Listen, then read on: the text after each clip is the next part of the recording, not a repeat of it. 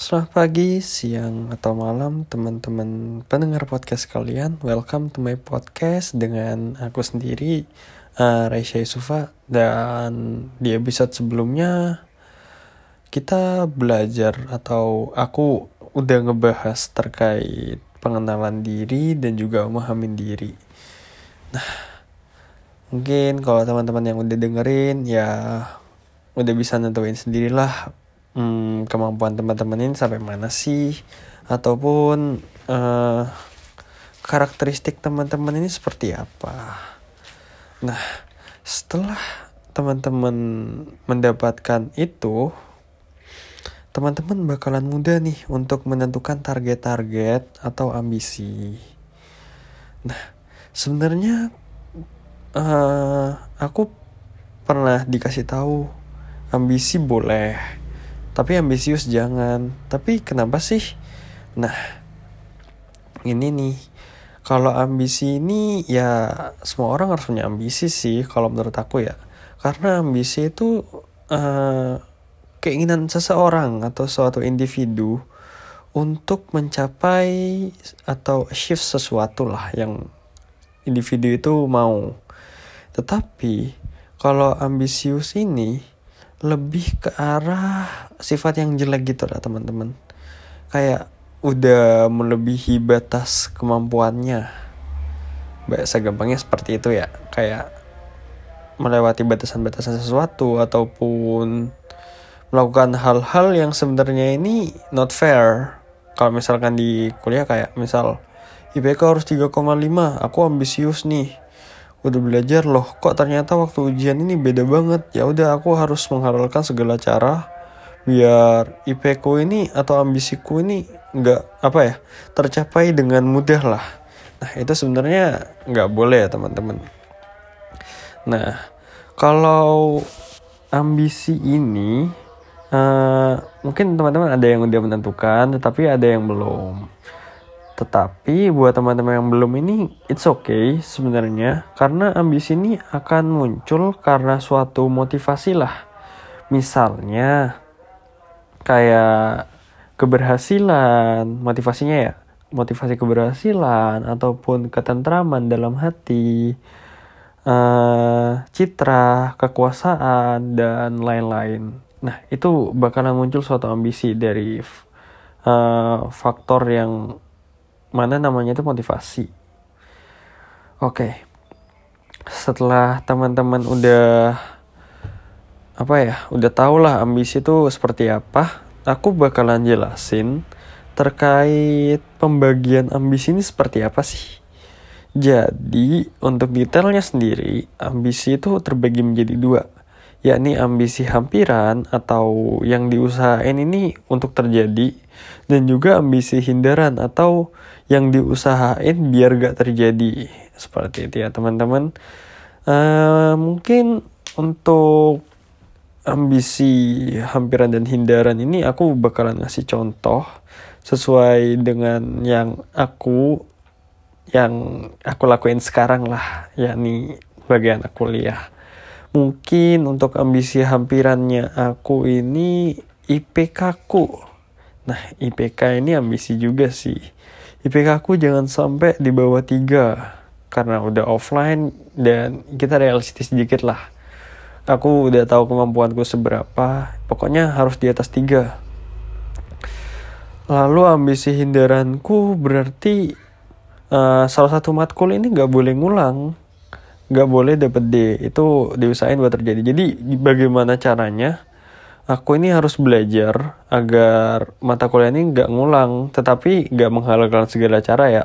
Misalkan mengerjakan tugas tepat waktu, aktif saat berkuliah, tanya-tanya, dan juga aktif dalam berdiskusi lah kalau misalkan ada tugas kelompoknya. Nah, ini tergantung teman-teman sendiri sih mau menentukan ambisinya teman-teman ini seperti apa.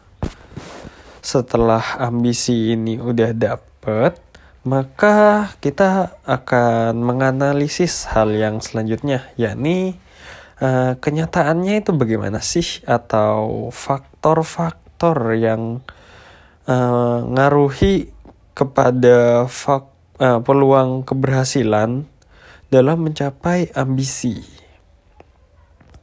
Kenyataan ini kayak bisa menjadi pendukung atau hal-hal yang menghambat dalam mencapai suatu ambisi. Kayak gitu ya. Nah, kenyataan ini sendiri biasanya terbagi jadi dua ya teman-teman. Kenyataan eksternal dan internal. Nah, untuk kenyataan eksternal ini sendiri, ini kenyataan yang berasal dari luar dan agak sulit kita kontrolnya ya faktor-faktor dari luar lah eksternal. Sama kayak namanya. Tetapi untuk internal ini uh, kayak kenyataan yang dari dalam diri kita sendiri dan kita bisa berubah lah sesuai yang kita usahakan.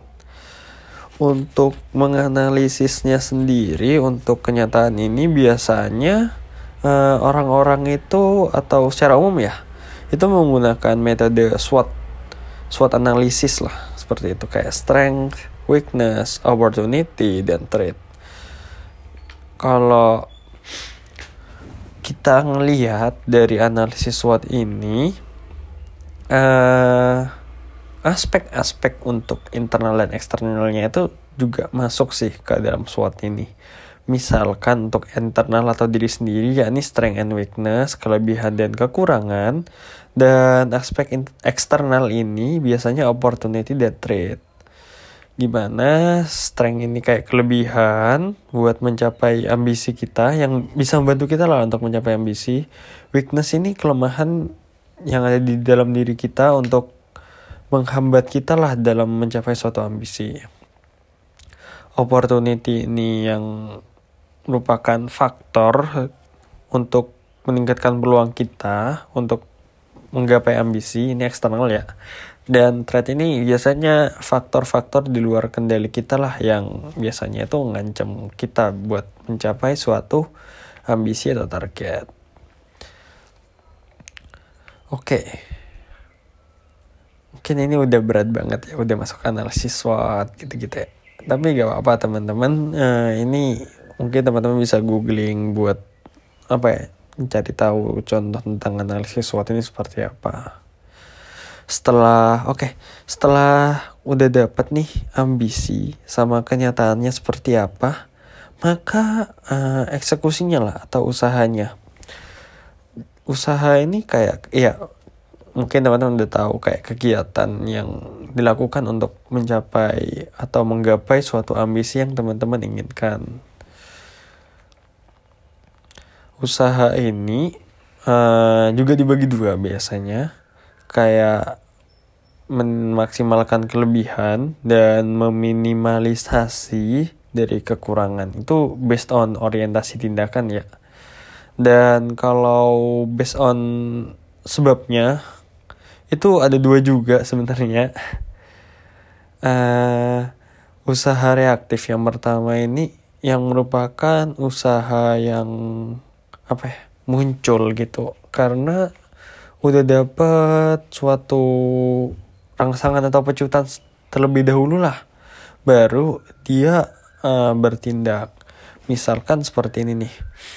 Uh, temanku baru serius belajar di semester selanjutnya. Karena di semester ini uh, IP-nya itu turun-turun. Turun banget. Jadi itu usaha reaktifnya biar apa ya biar gak uh, eh, IP ini gak turun lagi kayak semester sekarang gitu. Lalu untuk proaktif ini yang kedua usaha proaktif. Usaha ini biasanya muncul dulu atau bertindak dulu uh, tanpa adanya rangsangan atau pecutan kayak gitu ya. Misalkan uh,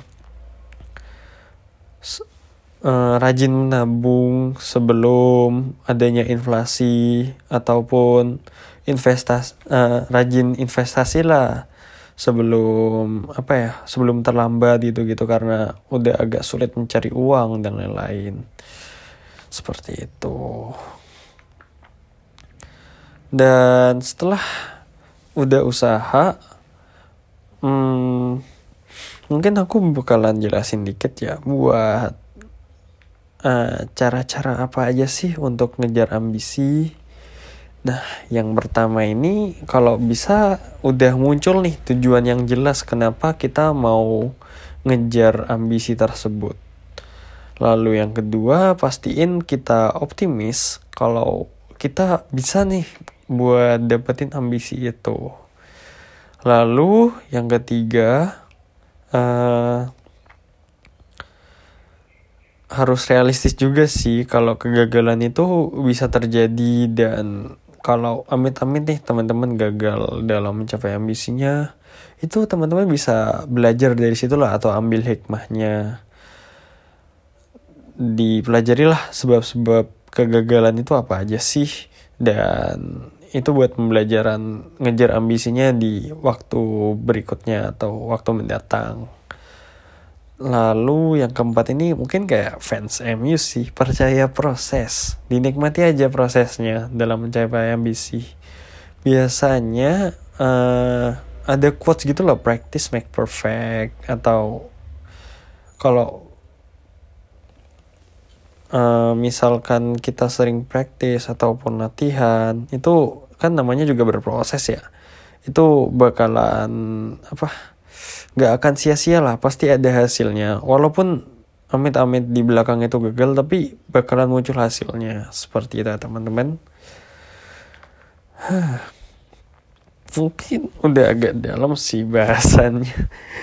Ya untuk suatu ambisi ternyata dalam banget sih bahasannya. Dan teman-teman bisa mulai mempelajari dari sekarang, menentukan dari sekarang. Dan mungkin uh, selanjutnya di episode selanjutnya ini aku bakalan maparin atau menjelaskan dikit lah terkait resiko-resiko apa aja sih dari ambisi kita dan konsekuensinya itu apa aja. Mungkin itu aja sih dari aku. Uh, see you guys next time. Uh, aku pamit undur diri dulu ya. Sampai jumpa di episode mendatang. Dah